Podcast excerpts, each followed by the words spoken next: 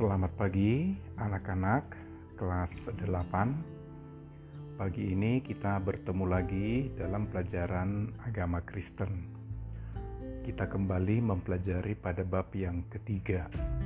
Di dalam pelajaran kita bab yang ketiga ini Judulnya adalah memilih untuk tidak berputus asa. Nah, Mister ingin menekankan bahwa pada bagian ini kita akan mempelajari bahwa berputus asa kadang menjadi keinginan sikap daripada manusia dalam menghadapi kehidupan ini ketika bertemu dengan banyak masalah. Sementara Tuhan tidak menghendaki kita untuk berputus asa karena Tuhan sebenarnya memelihara kita.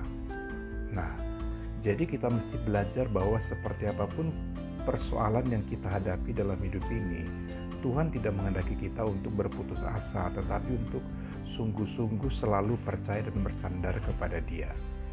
Di dalam pasal yang ketiga ini, bab yang ketiga ini, Tuhan Yesus mengajarkan kita di dalam Matius pasal yang ke-6 ayat 25 sampai 33. Bagaimana kita tidak mengkhawatirkan akan hal apa pun di dalam kehidupan kita.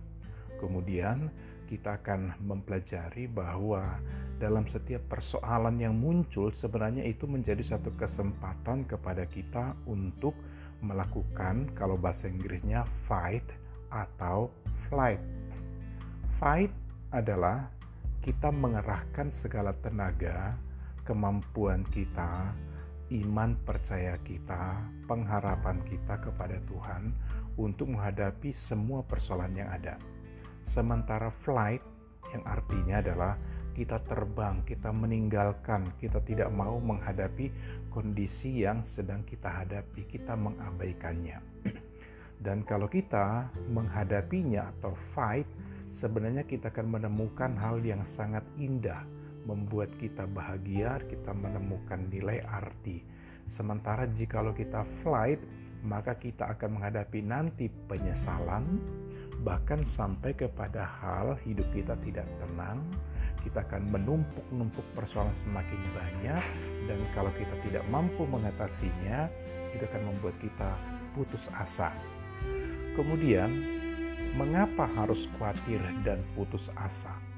Dapat dikatakan bahwa keputusasaan itu muncul karena dosa Ketika kita percaya kepada Tuhan Yesus, maka dosa kita sudah dihapuskan. Seharusnya ada penyerahan hidup kepada Tuhan Yesus yang semakin kuat. Dan itu akan membuat kita tidak akan mudah putus asa menghadapi kesulitan apa pun. Oleh karena itu, anak-anak yang dikasihi Tuhan, perhatikan. Kekuatanmu sendiri, kemampuanmu sendiri tidak bisa engkau andalkan engkau harus bersandar kepada Tuhan. Kau mengandalkan dirimu, kamu akan putus asa, kamu akan menemukan betapa banyak kelemahan kita, kekurangan kita. Dan itu akan membuat kita bisa mudah untuk putus asa yang dimulai dari khawatir. Tetapi jika kau percaya kepada Tuhan, Tuhan bersama dengan engkau, Tuhan menolong engkau, Tuhan tidak meninggalkan engkau, Tuhan akan memampukan engkau menghadapi persoalan apa pun dan bahkan engkau mengatakan saya melakukan ini adalah untuk Tuhan, maka engkau akan menghadapi melihat betapa indahnya hidup di muka bumi, betapa bermaknanya semua persoalan yang kita hadapi. Oleh karena itu, anak-anak yang dikasihi Tuhan, mari kita belajar untuk selalu berserah kepada Tuhan, bukan mengutamakan diri kita. Perhatikan, Tuhan memberikan kepada kita yang namanya kebutuhan. Tapi diri kita melihat diri kita bukan pada kemampuan dan kebutuhan tapi gaya hidup. Itu yang membuat kadang kita mengalami kerancuan atau kekacauan di dalam kehidupan. Kita beranggapan gaya hidup kebutuhan padahal bukan. Kita harus menyadari kebutuhan kita itu pun sebenarnya ketika kita berserah kepada Tuhan, maka kebutuhan kita dicukupkan oleh Tuhan. Nah, oleh karena itu, biarlah kita boleh menjadi seorang anak yang memahami kehidupan kita dengan bijak, dengan benar, dan itu membuat kita menghadapi hidup ini dengan bersemangat, bukan putus asa di dalam menghadapi apa pun. Nah, Untuk bab yang ketiga ini, maka Mister beritahukan tugasnya. Tugasnya sederhana, hanya engkau menuliskan satu kalimat dengan membaca bab yang ketiga. Kamu baca bab yang ketiga, kamu japri Mister tuliskan kalimat apa yang kamu dapatkan. Tetapi perhatikan, Mister sudah membaca bab yang ketiga butuh sekian menit. Kemudian kamu menuliskannya itu butuh sekian menit. Dan kamu mendengarkan podcast ini butuh sekian menit.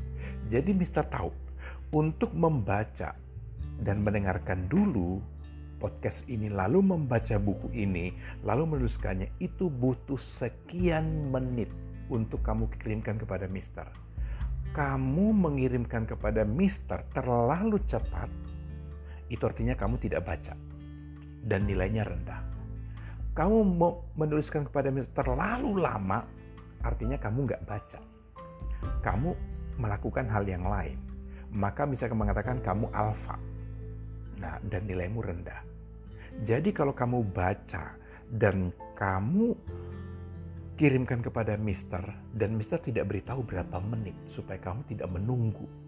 Kamu baca dan kamu kirimkan kepada Mister ada waktu yang wajar yang Mister berikan maka itu sebagai absenmu dan itu nilai keterampilanmu ya itu juga nilai pengetahuanmu nilai terbaik adalah jika kamu mampu membaca dan menuliskan kalimat yang sederhana.